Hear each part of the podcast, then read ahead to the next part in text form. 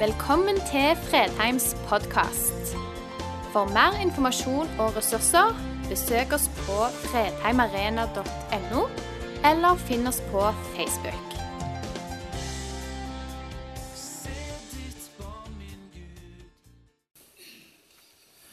Bli med meg langt tilbake.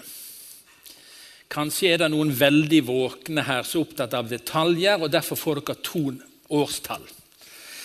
Kanskje 3227 år eller alternativ 3507.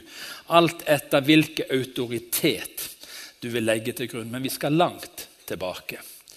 Vi skal møte tolv menn. Tolv menn som var ledere for hver sine stammer i israelsfolket.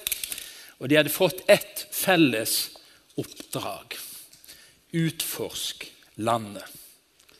Ca. to år etter at israelsfolket hadde blitt frigjort fra slaveriet i Egypt, hvor byrdene som ble pålagt de ble tøffere og tøffere for hver dag. Ca. to år etter de hadde sluppet unna, og farao hadde latt de fått lov å reise, så står de nå ut forbi dette landet. Løfteslandet som Gud hadde lovt dem. Og så hadde de pekt ut tolv personer som skulle representere folket. Og de skulle utforske dette løfteslandet.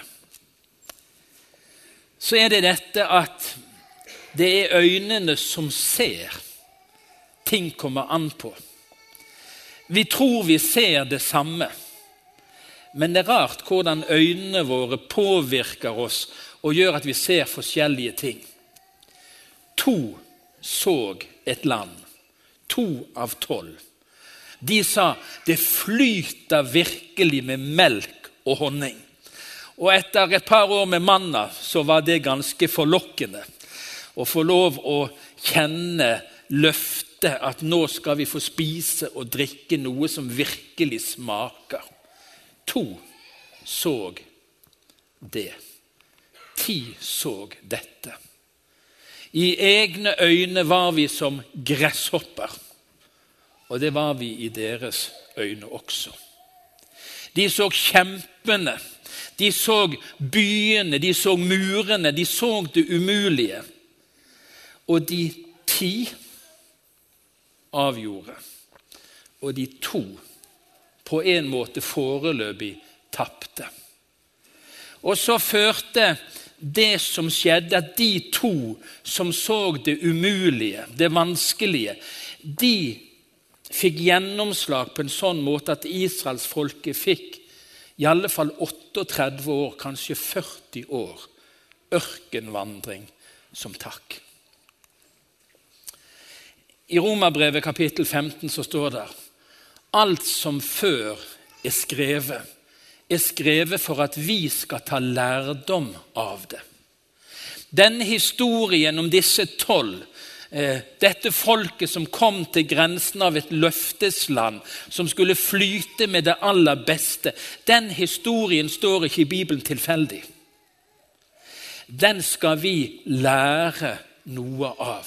Det er skrevet til deg, det er skrevet til meg for at vi skal lære av det som skjedde. Den ene av de to, det var Josva. Han overtok som leder etter Moses. Han var en av de to som sa det. Det flyter virkelig av melk og honning. Kom igjen, med Gud med oss, så går vi inn til landet. Den andre var Caleb. Det var de to som stemte for å gå inn, de andre ti stemte mot. Josva ble leder fra israelsfolket. Og mot slutten av sitt liv så skriver han et vers som har levd i meg i flere uker før denne gudstjenesten. Dette er en tekst jeg pleier å bruke på eldretreff. Jeg beklager å si det. Eh, men jeg håper dere som er yngre enn meg, skal fatte at det gjelder deg òg. Det gjelder ikke bare oss over Jeg er ikke 60 ennå, men det nærmer seg forferdelig. Eh, så nå kan jeg begynne å gå på 60 pluss. Ikke bare for å tale, men sånn er det. Men hør hva Josva sier. Josva var nå gammel og langt opp i årene. Herren sa til ham, Du er nå gammel og langt opp i årene, men ennå er det mye land som gjenstår å innta. Til en mann på over 80 år kommer Gud og sier, 'Du er ikke ferdig.' Du er ikke pensjonert. Du er ikke satt på sidelinjen. Til en forsamling som ble starta i 1943, så sier Gud Det er land igjen å innta. Det er noe som dere ennå ikke har gått inn i. Det er noe av løfteslandet som ennå ikke er oppfylt for dere. Og Gud kaller denne forsamlingen til å innta nytt land. Og Gud kaller deg til å innta nytt land. Nye landområder i løftets landet. Det blir bare en kort, liten sak om menigheten, for det skal gjelde den enkelte av oss. På fredag så tok jeg drosje klokken sju til flyplassen, og så kom jeg ut på flyplassen. Skulle til Bergen på møte. Det var forunderlig å se det sosiale samspillet på flyplassen. Jeg telte opp ganske nøyaktig at ca. 90% av de som satt på flyplassen, satt sånn. Rett på andre siden av meg satt det tre kollegaer. De var de eneste som snakket sammen. De skulle sikkert på samme fly med samme oppdrag. Men alle de andre de satte seg hver for seg. Og hvis det var ledig på et sete der, og én satt der, og det var ledig der, så var det ingen som satte seg rett ved siden av hverandre. De satte seg på, så det minst et sete imellom, og det gjorde jeg òg. Men jeg tok ikke fram mobilen. For meg ble det et så talende bilde på noe av det som utfordrer oss som mennesker og som fellesskap i vår tid. Jeg så en. Han satt sånn. Da er du for fellesskap. Bare snakk til meg. Her er jeg. Jeg er tilgjengelig. Da har du toppen av isolasjon. Jeg vet ikke hva han hørte på. Men den ene som satt bak meg der med utgangen, han satt akkurat sånn. Jeg tok jo ikke bilde av han, bare så dere er klar over det. Men det ble en sterk tale til meg fredag morgen. Det er søndag på Fredheim. Om en halvtimes tid skal vi ut i foajeen. Veldig få kommer til å ta opp mobilen. Enda færre kommer til å ta øreklokker på. Men veldig mange av oss kommer til å slite med å se andre enn oss sjøl. Møte blikk, snakke med, gå bort til en vi ikke kjenner. På mange måter er vi som på flyplassen. Vi er opptatt av noe annet. Og noen springer fort ut for å slippe den utfordrende situasjonen det er å være i et rom hvor det er vanskelig å møte hverandre. For mange år siden, på 80-tallet, så hadde Fredheim et rykte. En søndagskveld på Fredheim kom der et ektepar bort til Bent og meg. Og Vi hadde ikke sett dem før. Og Så sa de vi fikk beskjed av noen venner av oss å gå på Fredheim. Og De sa dere blir helt sikkert invitert til noen etter møtet. Den kvelden var det Bente og meg som inviterte dem. Vi visste ikke om det, men de fortalte det når, vi kom hjem til de, nei, når de kom hjem til oss. At de hadde fått vite det av noen venner som gikk på Fredheim. 'Vi vil ikke være med dere i kveld, for nå sender vi dere alene.' Og dere kommer helt sikkert til å bli tatt godt imot. Vi hadde et rykte på oss om at det var et godt sted å komme som ny. Det var et godt sted å komme alene. Noen ville se deg. Noen ville møte deg. Det ryktet har vi ikke lenger. Vi har et stykke land å gjeninnta som forsamling, som fellesskap. Bibelen taler så sterkt om at vi skal elske hverandre inderlig som søsken. Vi som tror på Jesus, vi er søsken. Og så vet vi det at vi er så forskjellige, og noen er ikke lagd for smalltalk. Jeg er lagd for talerstoltalk. Jeg elsker å stå foran en forsamling. Da kjenner jeg at ordene kommer lett. De, kom, de, de kommer ikke så lett når de kommer ut der ute.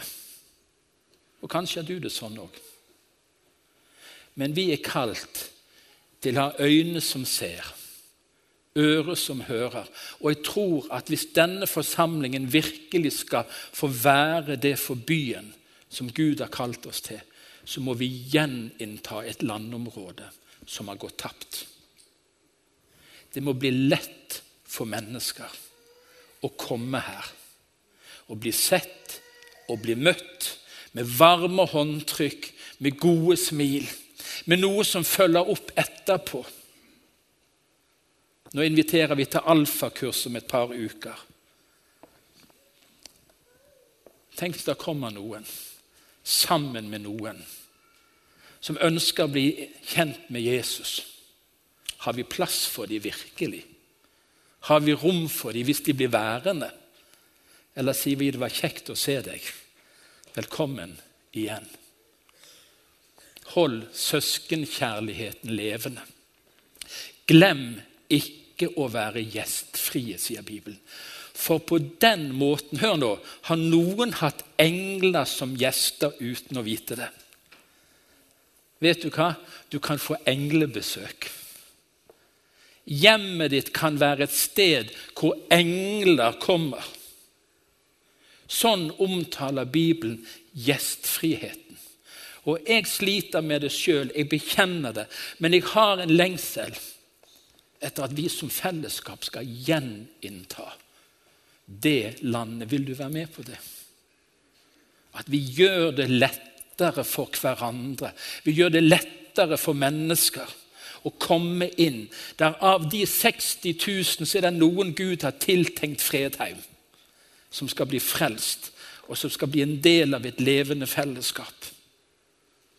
Jeg tror den lille seansen på fredag morgen vekte noe, og jeg skulle si akkurat det til forsamlingen. For egentlig så er denne talen beregna på deg og meg personlig.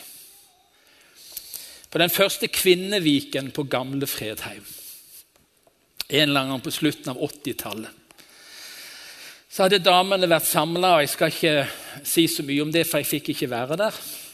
Men de hadde visst en flott samling. Og på lørdagskvelden så sa enten hun som talte, eller de som leda den kvelden, de satte fram en stol. Og så sa de hvis noen trenger forbønn, så kan dere komme fram der. Den første som reiste seg, jeg skal ikke si navnet, men hun var over 80 år. Og Så stolte hun seg fram, og så satte hun seg på stolen og så sa hun cirka dette. Har Gud mer å gi, så vil jeg ha det. Har Gud mer å gi, så vil jeg ha det. Jeg kjente den damen før den kvinneviken. Og jeg kjente den damen etter den kvinneviken. Og det var to forskjellige damer. Beskjeden, forsiktig med å dele noe. Etterpå så ble jeg invitert hjem til hennes hus for å ha møte for naboene. Hun inviterte til nattværmøte hjemme i stuen sin fordi Gud ga henne noe. Det var et landområde hun på over 80 år inntok. Og så blomstra det åndelige livet. Og årene over 80 ble de rikeste i kristenlivet hennes. Gud har mer å gi. Gud har mer å gi til deg. Gud har mer å gi til meg. Det er landområder vi ennå ikke har inntatt. Og det er landområder noen av oss har mistet. Og denne søndags formiddagen kaller Gud oss til å innta nytt land. Det er en første base. Jeg skal si litt om den. Tyven kommer bare for å stjele, drepe og ødelegge. Hør hva Jesus sier. 'Jeg er kommet for at dere skal ha liv og overflod.' Ørkenvandring opplever alle kristne. Men tanken var at det skulle ta to år, og så skulle de innta løfteslandet. Det var sjølvalgt at det ble 40 år ekstra ørkenvandring. Gud kaller oss ikke til en livslang ørkenvandring som kristne. Han kaller oss til liv og overflod. Vi har et sånt uttrykk 'kristendom'. Det høres jo helt forferdelig ut. sant? Hvilken religion hører du til? Jeg hører til kristendom. Altså, Det er dom og gråt og tenners gnitsel. Det er det jeg hører til. Nei, Kunne ikke vi heller si hva, hva tro hører Vi hører til kristenlivet. Det var det Jesus sa. Vi skulle få liv og overflod av liv. Og jeg er ingen herlighetsteolog. Men vi må tro Guds ord og Guds løfter når Bibelen sier tjuven, det er han som stjeler. Det er han som myrder, det er han som ødelegger. Jesus, han gir liv og overflod av liv. Jeg kaller dere ikke lenger tjenere. For tjeneren vet ikke hva Herren hans gjør. Jeg kaller dere venner. ikke det nydelig? Jesus kommer til oss som er på Fredheim i dag, og så sier han du er ikke først og fremst min tjener. Jeg er ikke først og fremst ute etter hva du skal gjøre for meg. Jeg er først og fremst ute etter å være sammen med deg. Jeg kaller deg ikke lenger en tjener. Jeg kaller deg en venn. Et ordtak sier det på denne måten. Gå ofte til din venns hus, for ugress dekker en ubrukt sti. Tok du den? Jeg tror at noen har kommet til Fredheim denne søndagen i januar, og der vokser ugras i ditt personlige, åndelige liv. Stien til Jesus er gjengrodd. Der du før hadde en åpen sti, og du trødde ned ugraset, for du gikk den veien så ofte, den er i dag gjengrodd. Og ugraset begynner å trenge seg fram. Denne søndagen blir du kalt tilbake igjen. Til å gjeninnta det personlige, nære forholdet, vennskapet med Jesus.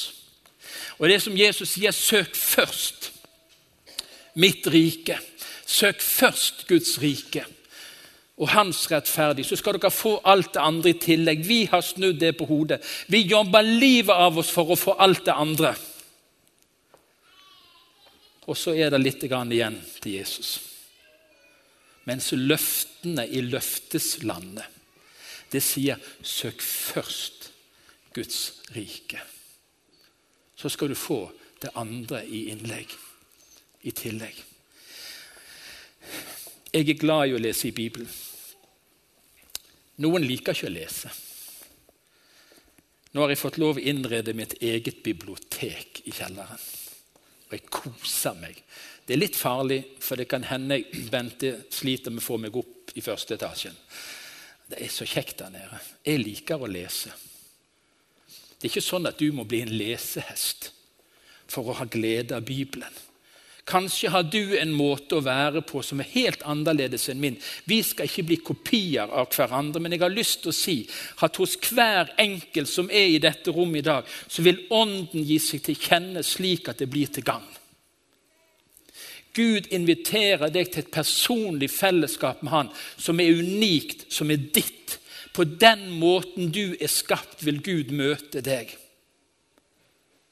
Poenget er vi må ikke si vi er så forskjellige. Så når noen ber, så trenger ikke jeg å be. Hvis noen leser, trenger ikke jeg å lese. sant? Vi bruker det som en unnskyldning at vi er forskjellige.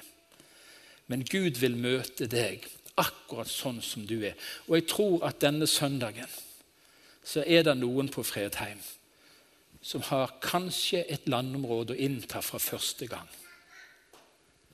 Eller kanskje du har mista det, og det er på tide å gjeninnta det.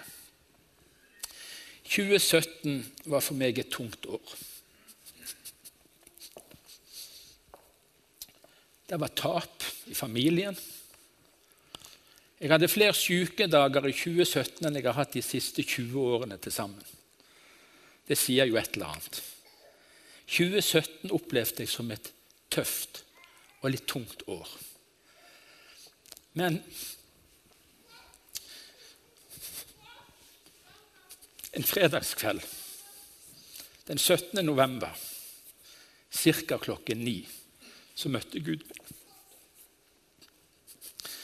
På tampen av året, på en konferanse, lederkonferanse på Straume utenfor Bergen så holdt en av våre amerikanske Havana-venner en preken som ikke var en spesielt glitrende preken.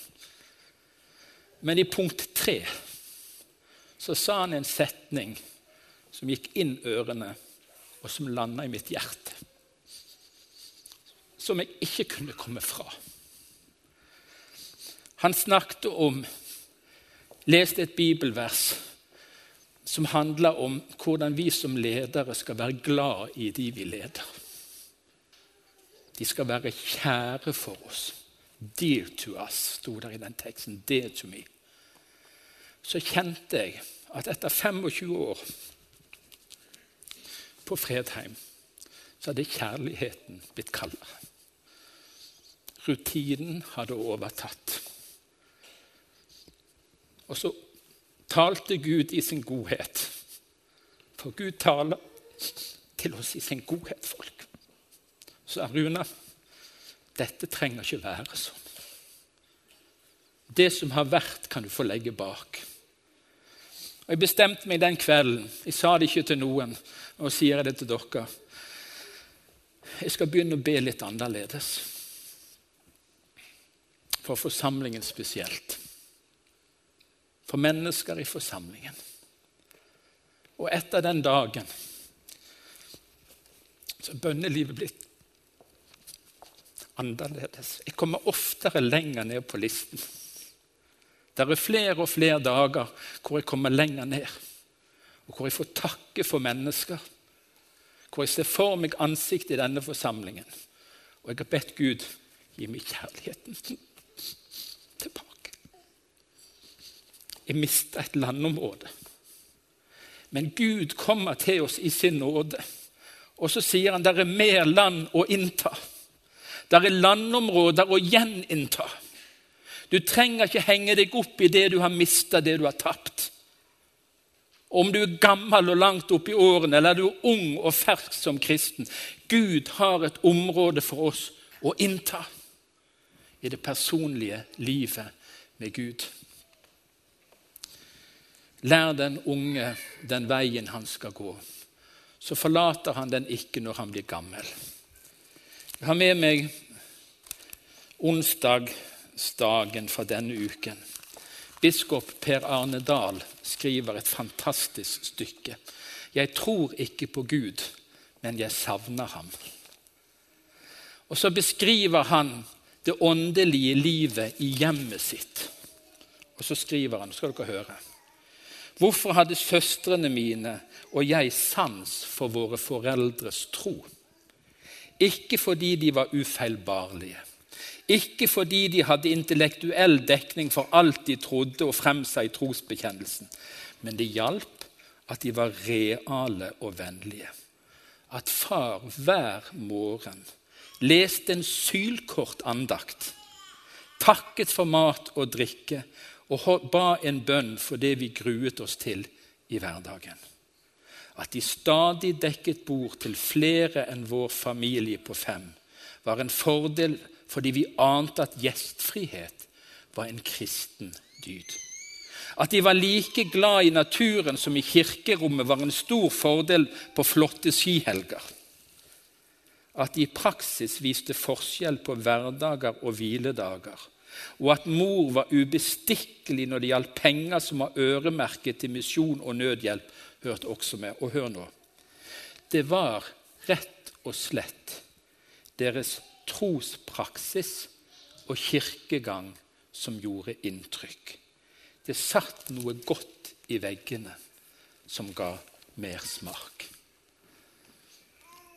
Samklang mellom liv og lære. Det er himmelsang på jorden. Det var rett og slett deres trospraksis og kirkegang som gjorde inntrykk. Det satt noe godt i veggene som ga mersmak. Hva sitter der i veggene i ditt og mitt hjem? Hva ord hører våre barn fra vår munn? Hva ord hører våre venner fra vår munn når de er på besøk? Hva er det vi forteller om troen, om menigheten, om fellesskap? Gir det barna våre mersmak?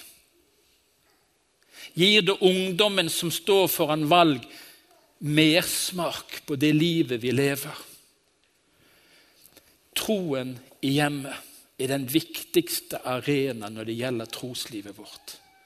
Og kanskje er det noen på Fredheim i dag som Gud skal kalle til å gjeninnta, eller for første gang innta, et stykke landområde av løfteslandet. At den basen, våre hjem, får bli det Gud har kalt oss til. Du skal gjenta dem for dine barn og snakke om dem når du sitter i ditt hus, og når du går på veien, når du legger deg, og når du står opp. Det er helt naturlige å få lov å snakke om troen.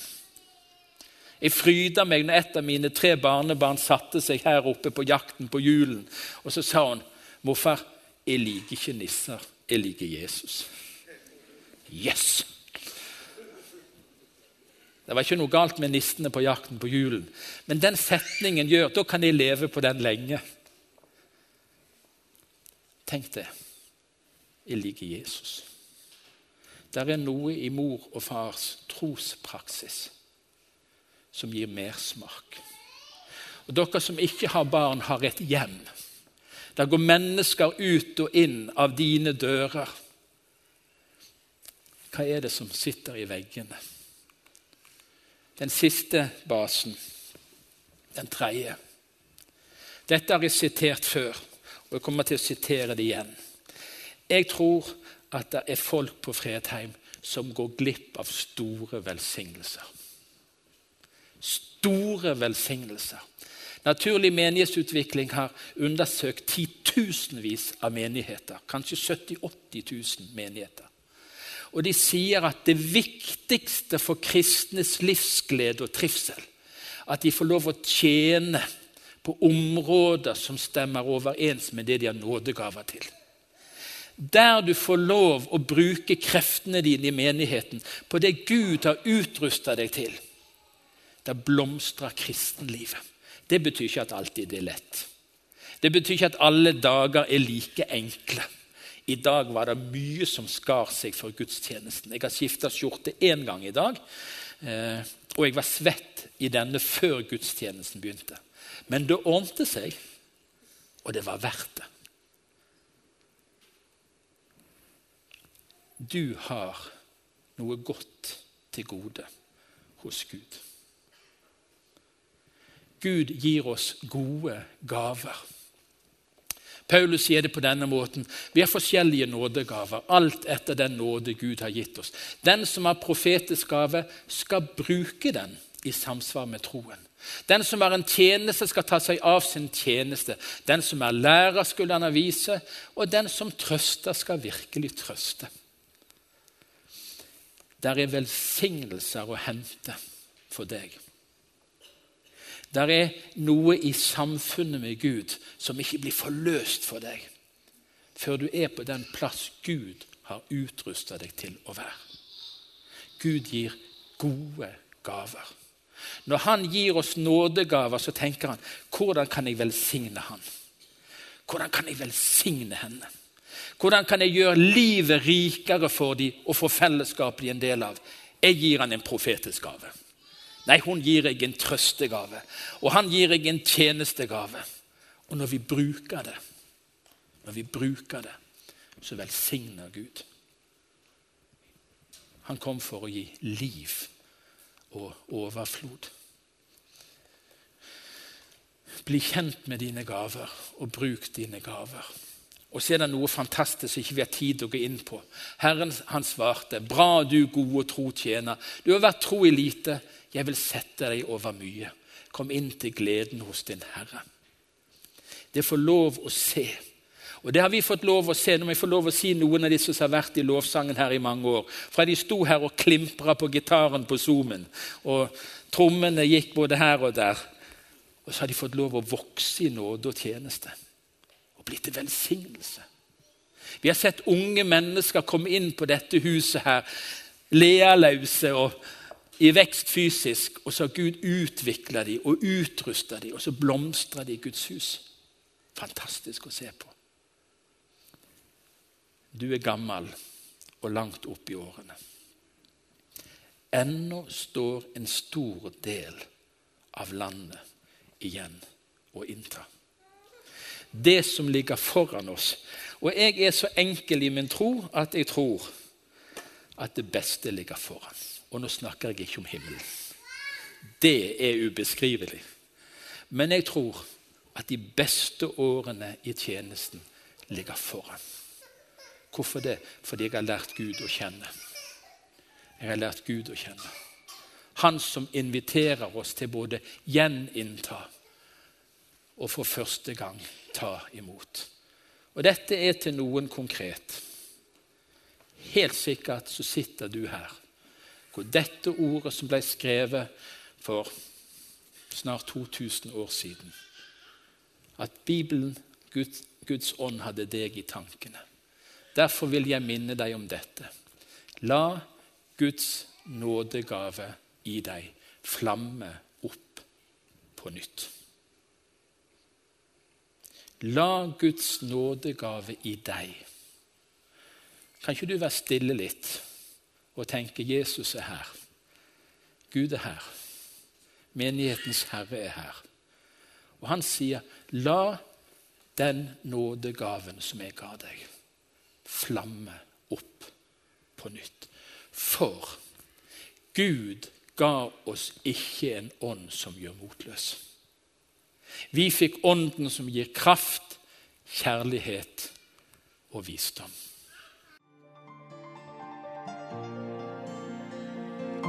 Takk for at du valgte å høre på. Nye opptak legges ut hver uke.